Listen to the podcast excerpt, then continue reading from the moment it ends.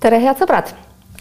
tänase päeva puhul saate juttu ajada Mailis Repsiga, kes tuleb otse valistustelt koroonapiirangute kehtestamiselt. tere tulemast. tere päevast vastselt kehtestati uued koroonapiirangud, ma saan aru, et teie olete ilma maskita kindlal põhjusel, palun selgitage, kuidas tuleb sellest aru saada? et äh, kõigepealt, mis puudutab äh, päris piiranguid, siis neid äh, kinnitati ju suhteliselt vähe. peamine sõnum on see, et kaks pluss kaks siseruumides, et nii palju seal, kus vähegi võimalik, hoiame distantsi peamine suund nendes piirangutes on kaubanduskeskused, poed ja põhjus on selles, et me eeldame, et siin enne jõuluaega on võib-olla sellist tihedamat ostlemist ja seal distantsi hoidmine, desovahendid samuti toitlustusasutuste osas on see, et selliseid väga suuri üritusi me ei soosi, vaid seal on siis kümne inimese grupi piirang. no räägime lihtsalt, meil on vahet ja. umbes meeter, siseruumid kaks pluss kaks kehtima hakkab, minul on mask, teil ei ole. Nüüd äh, maski teema on tõesti olnud väga-väga tõsine Eestis juba pool aastat arutelu ja ka siin äh, transpordi puhul on öelnud, peab kandma maski nüüd maski kohustus justkui vihjaks mingile suulele trahvimisele või karistamisele. selles osas nüüd on äh, küll valitsus väga selgelt koos ekspertidega ühel nõul, et see on esimene nüüd kaks nädalat siiski selline suunis, me palume inimestel ühistranspordis tulla, see on meeldetuletus ühistranspordis ka vedajatele, et meelde tuletada seda, aga loomulikult trahvima nüüd järgmistel nädalatel kedagi ei hakata nüüd siseruumis on see, kui inimene tunneb ennast selliselt paremini, see ei ole kuidagi piiratud, tere tulemast äh, mask, maski kandma, aga see ei ole jah kohustuslik. mina siiski sain uudismaterjaliga tutvudes aru, et see on kohustuslik ja sellega seoses mm. tekib mul ka küsimus, et äh, seda maski kandmise kohustust on valitsus edasi lükanud põhjusel, et see on õiguslikult küsitav, ehk siis mis praegu väga lühidalt kokku võttes on see õiguslik alus millelt tänased piirangud tehti. Mm. nii et äh, maski kohustus kui selline on loomulikult võimalik kehtestada ja see on äh, nakkushaiguste ennetamise seadusest, nii nagu ka teistes riikides on see, aga jah, täna sellele seadusele veel ei tuginetud, sest järgneks siis juba kohustusega koos nagu sanktsioonid hetkel on ta siiski selline suunis, et ühistranspordis, kus ei ole võimalik kaks pluss kahte hoida ja kaubanduskeskustes, kus äh, selgelt ka igal hetkel ei ole võimalik kaks pluss kahte hoida, äh, on see siiski meil palutud inimestel tulla maskiga. me soov, soovime kõik üheskoos, et see rakenduks ja nii nagu me teame, teatud töökollektiivides ta on, meditsiiniasutustes on ja ta on väga hästi vastu võetud, inimesed järgivad seda. hästi, Mailis Reps, me peame natukene tõstma tempot, sest meil on tohutult palju asju, millest rääkida. kõigepealt tahaksime küsida teilt kui haridusministrilt suhet koolidesse. Koolid tahetakse lahti hoida nii kaua kui võimalik, kuid ometigi me teame, et päris paljud koolid on kas siis omal algatustel või omavalitsuste soovitustel kehtestanud teatavaid piiranguid näiteks distantsõppe suhtes. Äh, konkreetselt võiksin viidata näiteks Tartu Veeriku koolile, mille äh, üleminekust distantsõppele on kirjutanud ka õpetajate leht. saan ka viidata näiteks koolile, kus käivad mu oma lapsed, gümnaasiumiastmes kaks distantsõppepäeva nädalas, äh, põhikoolis üks. Mm see on nähtavasti, ma saan aru, koolide endi initsiatiiv, kuid see ei ole kooskõlas sellega, mida soovitab ministeerium. mida siis nendele koolijuhtidele öelda, kes on oma iseenesetarkusest nii-öelda kehtestanud piiranguid? no kõigepealt äh, ministeeriumi soovitus algusest, me oleme sel teemal ka vestelnud, siin oli äh, hajutamine läbi mõelda ja kui koolikollektiiv arutas selle hajutamise nii läbi, et näiteks üks päev nädalas või lapsed on jaotatud kolme rühma või kahte rühma, siis nüüd see täiendav suunis, mida ministeerium nüüd on märgukirjaga saatnud, on siis tõesti läbi mõtiskleda, kas nende hajutamisrühmade sees, näiteks seitsmes, kaheksas, üheksas klass või gümnaasium, on lapsi, kellel kevade järgi on juba näha või nüüd esimeste nädalate järgi on näha, et tal on tekkinud õpiraskuseid, järele äh, on vaja teda toetada, aidata ja talle ei sobi distantsõpe erinevatel põhjustel. tegemist võib olla õpiraskusega seotud tema erivajadusest või ähm, keelekeskkonnast, väga paljudest muudest aspektidest me palume neid lapsi mitte distantsõppele saata. palute, aga ma saan aru, konkreetne suunis puudub, samas olete te mm. ise öelnud, et te hakkate. suunise saatsime välja, nüüd kohustust või karistust loomulikult Haridusministeerium koolidele ei anna, meil on selleks liiga hea aga koostöö. te olete ka viidanud, et te ikkagi hakkate koolides järge pidama näpuga, et ja. missugus, missuguseid äh, tulemusi võib see siis tuua kaasa koolidele kes on omatahtsi piiranguid juba seadnud? no kõigepealt kevadel oli see ühine ja veidi teine olukord. täna, praegu. praegune olukord on see, et kõigepealt, kui on hajutamise eesmärgil, on see loomulikult mõistlik kui see ja seal tuleb nüüd arvestada, et see nendel lastel, kellel ei sobi, oleks võimalik kontakt või lisatunde saada Need nüüd, kui on tegemist koju saatmisega koroonanakkuse põhjusel, siis seal on meie see viimane kiri pöördumine lapsevanemate pöördumiste ajal, et näiteks kui sul ei ole otseselt selles klassis või selle õpetajaga kontakti,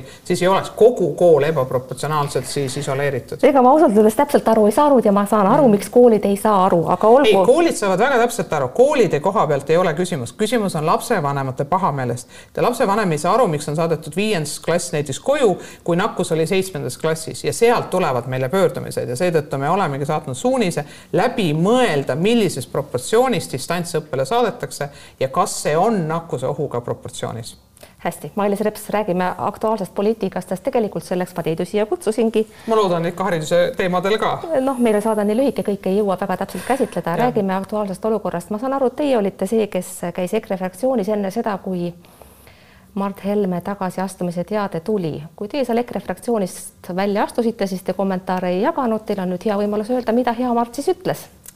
meil oli tõesti väga konstruktiivne vestlus äh, Marti ja Martin Helmega, äh, rääkisime loomulikult päevapoliitikast ja laiemalt, äh, kuidas koalitsioon edasi läheks, aga miks ma ei kommenteerinud ja ma jätkuvalt detaile loomulikult ei hakka kommenteerima, on see, et kui äh, minister tegi otsuse tagasi astuda ise, siis äh, oli talle vaja anda see võimalus seda ise pressikonverentsil tutvustada, kui ma oleks teinud seda pool tundi enne seda ukse taga, ehk siis teie ütlesite, hea Mart, nüüd on asjalood niimoodi, et sul oleks targem tagasi astuda, meie omalt poolt anname sulle võimaluse taganeda väärikalt, andes nii-öelda veel lahkumislahinguid aga muidu läheks valitsus laiali. Teie olite see, kes käis seda ütlemas. No, mitte nüüd sellises sõnastuses, et. aga mõte jääb samaks? Äh, ei, mõte oli, oli pigem selline, et äh, kui sellised raadiosaated tekitavad sellist tunnet ühiskonnas, äh, et liitlassuhted või mingid muud väga olulised on. tekitavad sellist tunnet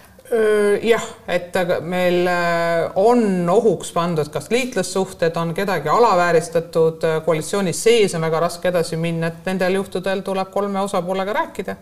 sellise sõnumiga ma läksin, et ei olnud ma kellegi saadik, vaid äh, läksingi arutama, kuidas me siis edasi võiksime minna. kui jutt läks raadiosaatele, kas keegi on Jüri Ratasele juba öelnud, et järgmine saade on juba pühapäeval? Ma usun, et äh, härra peaministrile antakse väga palju nõu, aga see, et, äh, et Re raadios on äh, Helmete lemmikraadioprogramm, mida ma saan aru, et nüüd pool Eesti rahvast varsti kuulama on asunud, ei, ei ole selle raadiosaate pidev kuulaja tegelikult ma kujutan ette, et Keskerakonna liikmed peaksid seda saadet kuulama igal pühapäeval kõrv kikki, sest sealt algavad tavaliselt valitsuskriisid. mida teie teete sellel ajal, kui see saade käib?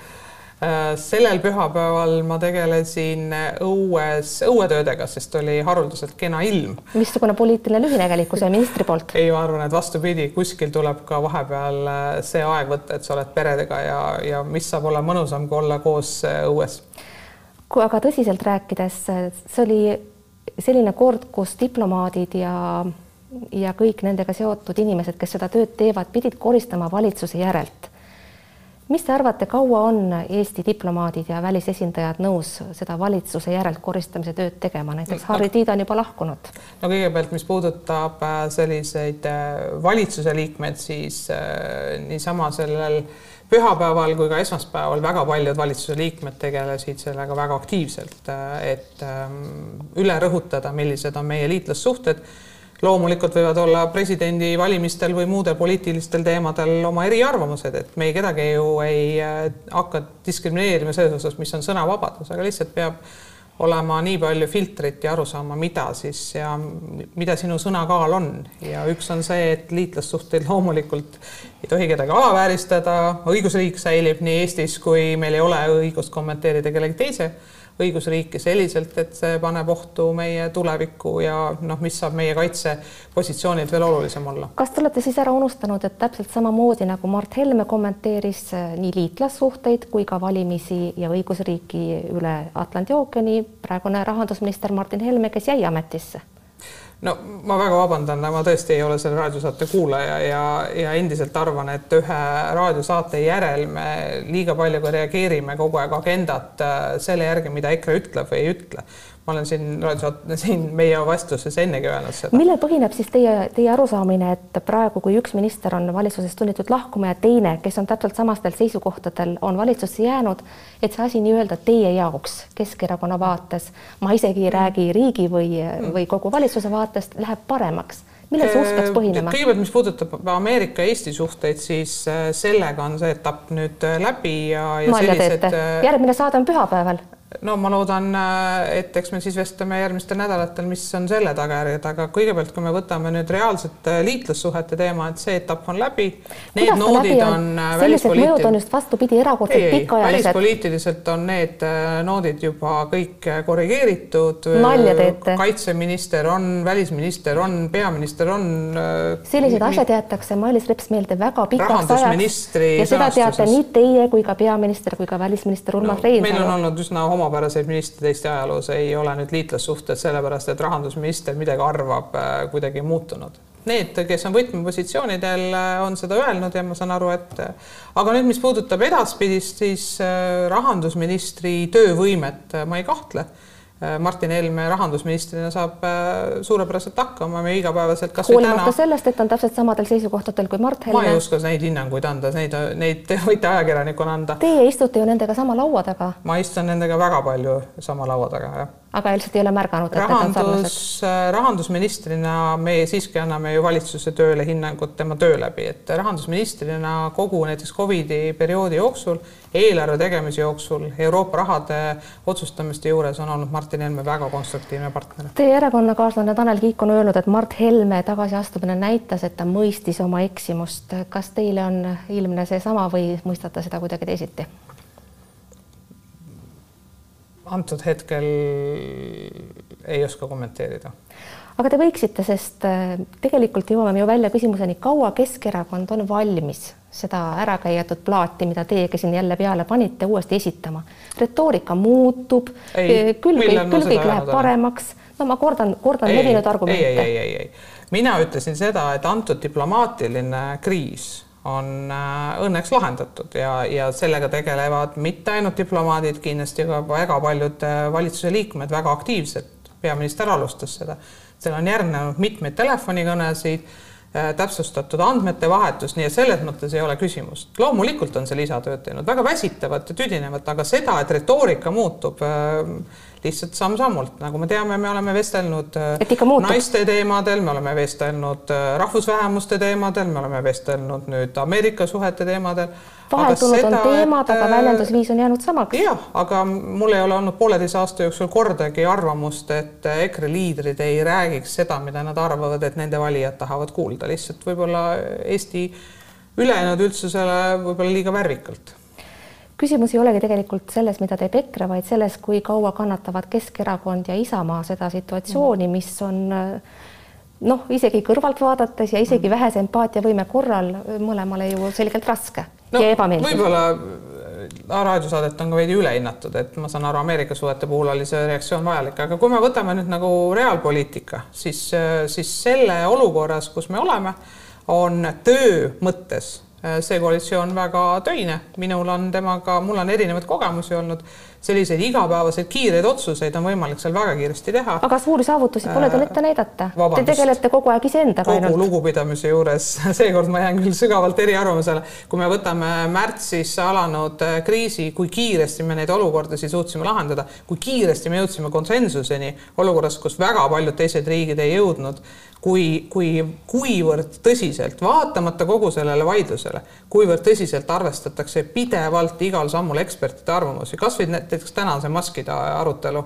me arvestame sellega, et eksperdid viroloogid tulevad ühe seisukohaga, praktika teistes Euroopa riikides on veidi teine. kuivõrd me võtame näiteks arvesse õigusteoreetiliselt, mida Ülle Madise täna tõi välja, milliseid nüansse on teised riigid, ei, ma arvan, töiselt on see valitsus väga tublisti töötanud. ekspertide arvamuse arvesse võtmine ei ole iseenesest saavutus, vaid see peaks olema täitsa normaalne tööpraktika. Äh, miks ma seda rõhutan, on see, et kui te mäletate, loomulikult te mäletate, siis see koalitsioon tuli kokku rääkides, et äh, ei et arvestata süvariiki ja mis iganes, siis see on oma praktikas täpselt vastupidist tõestanud, nii et äh, eks me neid, neid noh, nõndanimetatud edusamme tavalises äh, poliitreaalsuses on kindlasti siin veel mitmeid öelda.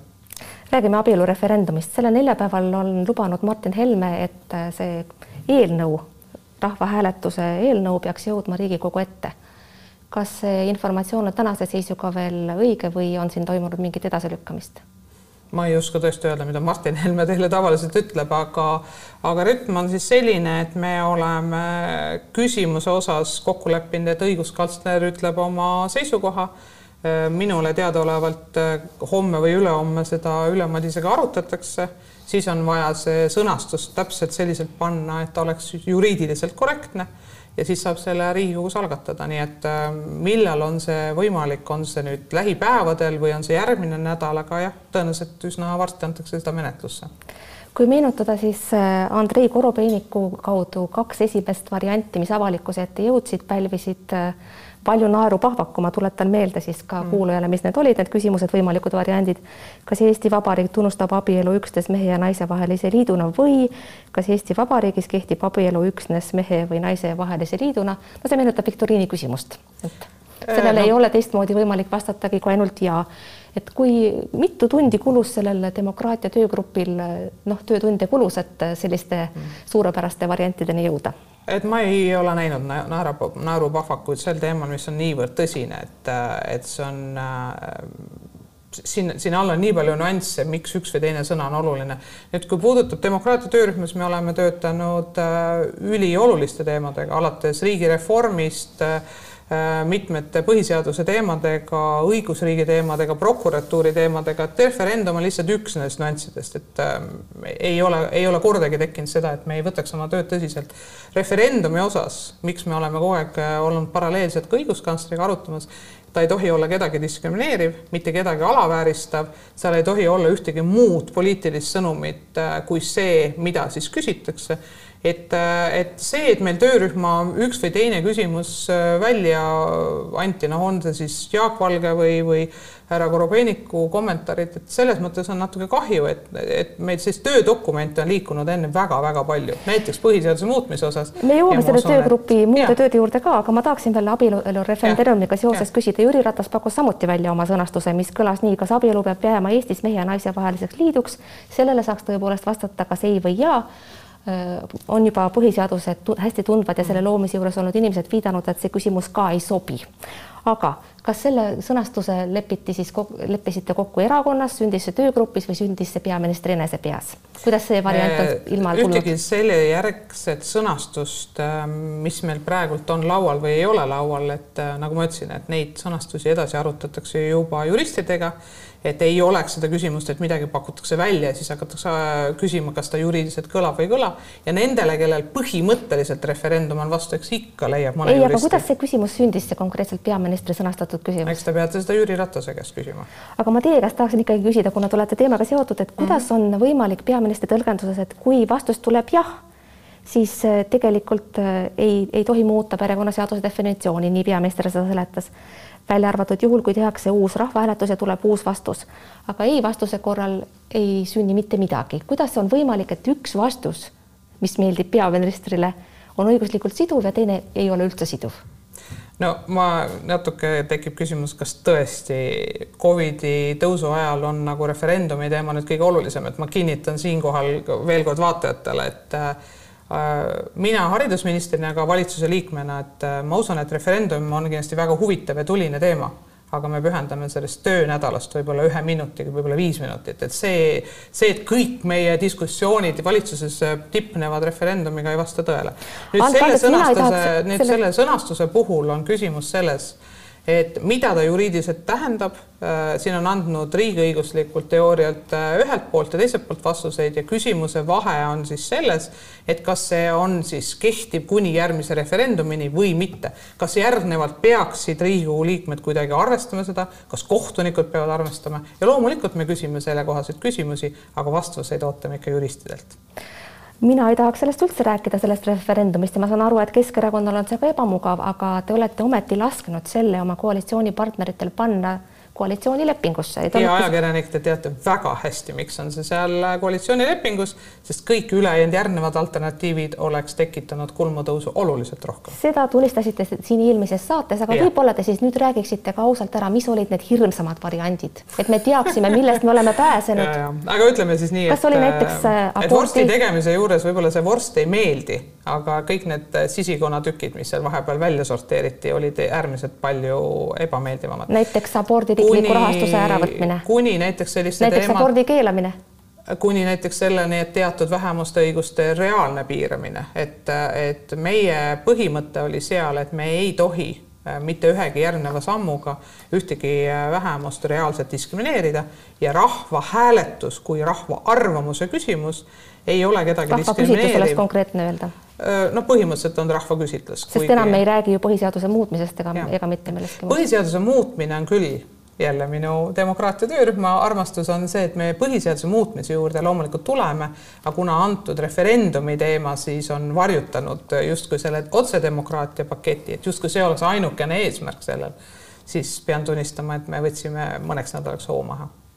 Aga räägiks sellest demokraatia töörühmast ka mõni sõna, millegipärast ei leidnud ma täna seda sugugi üles sealt Riigikogu koduleheküljelt, kus peaksid kõik töörühmad kirjas olema miks on tegemist säärase salajase töögrupiga, mille liikmete teadasaamiseks pean ma kolleegidega pikalt nõu pidama, kammima internetti, miks ja. see kuskil avalikult üleval ei ole? meil on äh, neli aastat tagasi, kui Jüri Ratase esimene valitsus äh, alustas, siis tekkis meil poliitiline praktika, ma ei oska rääkida Reformierakonna eest, et kui on mingisuguseid väga olulisi teemasid, kus ei leita koheselt konsensust kolme osapoole vahel, siis lepitakse need ministrid, kes sellega kõige rohkem kokku puutuvad, Riigikogu liikmed ja vahetevahel siis kas erakonna esimehed või aseesimehed, kes siis saavad kokku ja arutavad selle põhjalikult läbi, enne kui tulevad nad valitsuskabinetti ja see on töötanud, on see siis majandusteemadel, muudel teemadel, nüüd demokraatia. ja küsimus on, miks selle rühma koosseis pole avalik, miks pole seda Riigikogu poliitiline kokkulepe, et tuleb igast äh, Riigikogu äh, fraktsioonist üks, igast äh, siis ütleme ministrite rühmast ja nii me oleme selle kokku pannud. seal on kokku kuus liiget, kui ma õigesti aru saan. aga see on täiesti tavaline formaat, näiteks uh mhm. -huh. maksude teemal, majandusteemal, keskkonna teemal. selle kutsusite kokku teie, saan ma õigesti aru? Juriidiliselt korrektselt me koguneme Seederi kabinetis, kes on nagu siis peremees, aga jah, ma juhin seda töörühma ja te kutsusite kokku seda sel-, selleks, et saaks see abielureferendumi asi ei, kuidagi natuke siledamalt aetud äh,? ei, kutsusime ta kokku põhiseaduse muudatused, eriprokuröri teema äh,, õigusriigi ja kohtunike valimiste süsteem, neid punkte, mis puudutasid kogu seda põhiseadust ja õigust, neid punkte oli tõesti väga palju. valimised, aga mis hetkest alates tuleks selle töögrupi eh, tegevuse algust siis lugeda? Mm, julgen öelda, et koalitsiooni algusega seda imelikum on, et ta pole ikkagi veel ametlikult kirjas, kas tegemist ei olegi ametlikult, ta on mitteametlik konsultatsioon kolme erakonna vahel kas selliseid mitteametlikke töögruppe, mida me Riigikogu koduleheküljelt ei leia, on veel? jah, on küll kas.... näiteks äh, oli väga oluline teema näiteks kohalike omavalitsuste teema, mida äh, on mitmed sellised detailsemad seadused äh, keskkonnas, näiteks jäätmeseadus, kus ongi võetud igast erakonnast kaks liiget ja arutatakse need põhjalikult läbi. Äh, apteegireform võib-olla on üks kuulsamaid töörühmasid. aga ma saan aru, see nimi ütleb, et see, see grupp on sündinud teatavast murest Eesti demokraatia saatuse pärast, et mis siis konkreetne häda Eesti demokraatiat vaevab, et pidite selle töörühma kokku kutsuma? Äh, sest kui me koalitsiooni moodustasime, siis äh, oli äh, mitmeid selliseid väga olulisi teemasid, näiteks kuidas minna edasi Eesti kohtusüsteemiga, kas see vajaks mingeid teatud muudatusi või mitte. Need teemad tuli, ei ole võimalik neid pooleteise nädalaga kokku leppida, lepiti kokku natukene üldisemad sõnastused ja, ja sellele järgnes siis töörühm, kus me saame siis kaasata eksperte, läbi vaadata, kuulata, samamoodi valimised vajavad äh, selleks aega, nii et ähm, need, need teemasid on. presidendivalimiste puhul näiteks me alustasime kohe tööd ja siis leidsime konsensuslikult, et ähm, kokkulepet äh, sellist ei ole, et muuta ja läksime sama valimistega edasi. Mailis Reps, viimane küsimus, hästi lühike vastus, kui kaua see valitsus koos püsib selles koosseisus, nagu me seda praegu näeme? Selles koosseisus me täna õhtul enam ei ole, sellepärast et ministrid ju vahelduvad. no ma eeldan, et Mart Helme on juba väljas. ja, et kui te peate silmas seda kolme osapoolt, siis järgmised valimised on peaaegu et enam kui kolme aasta pärast suur tänu, Mailis Reps, et tulite stuudiosse, head sõbrad, aitäh, et te vaatasite, vaadake teinekord ikka jälle, olge terved, mingu teil hästi, kuulmiseni, nägemiseni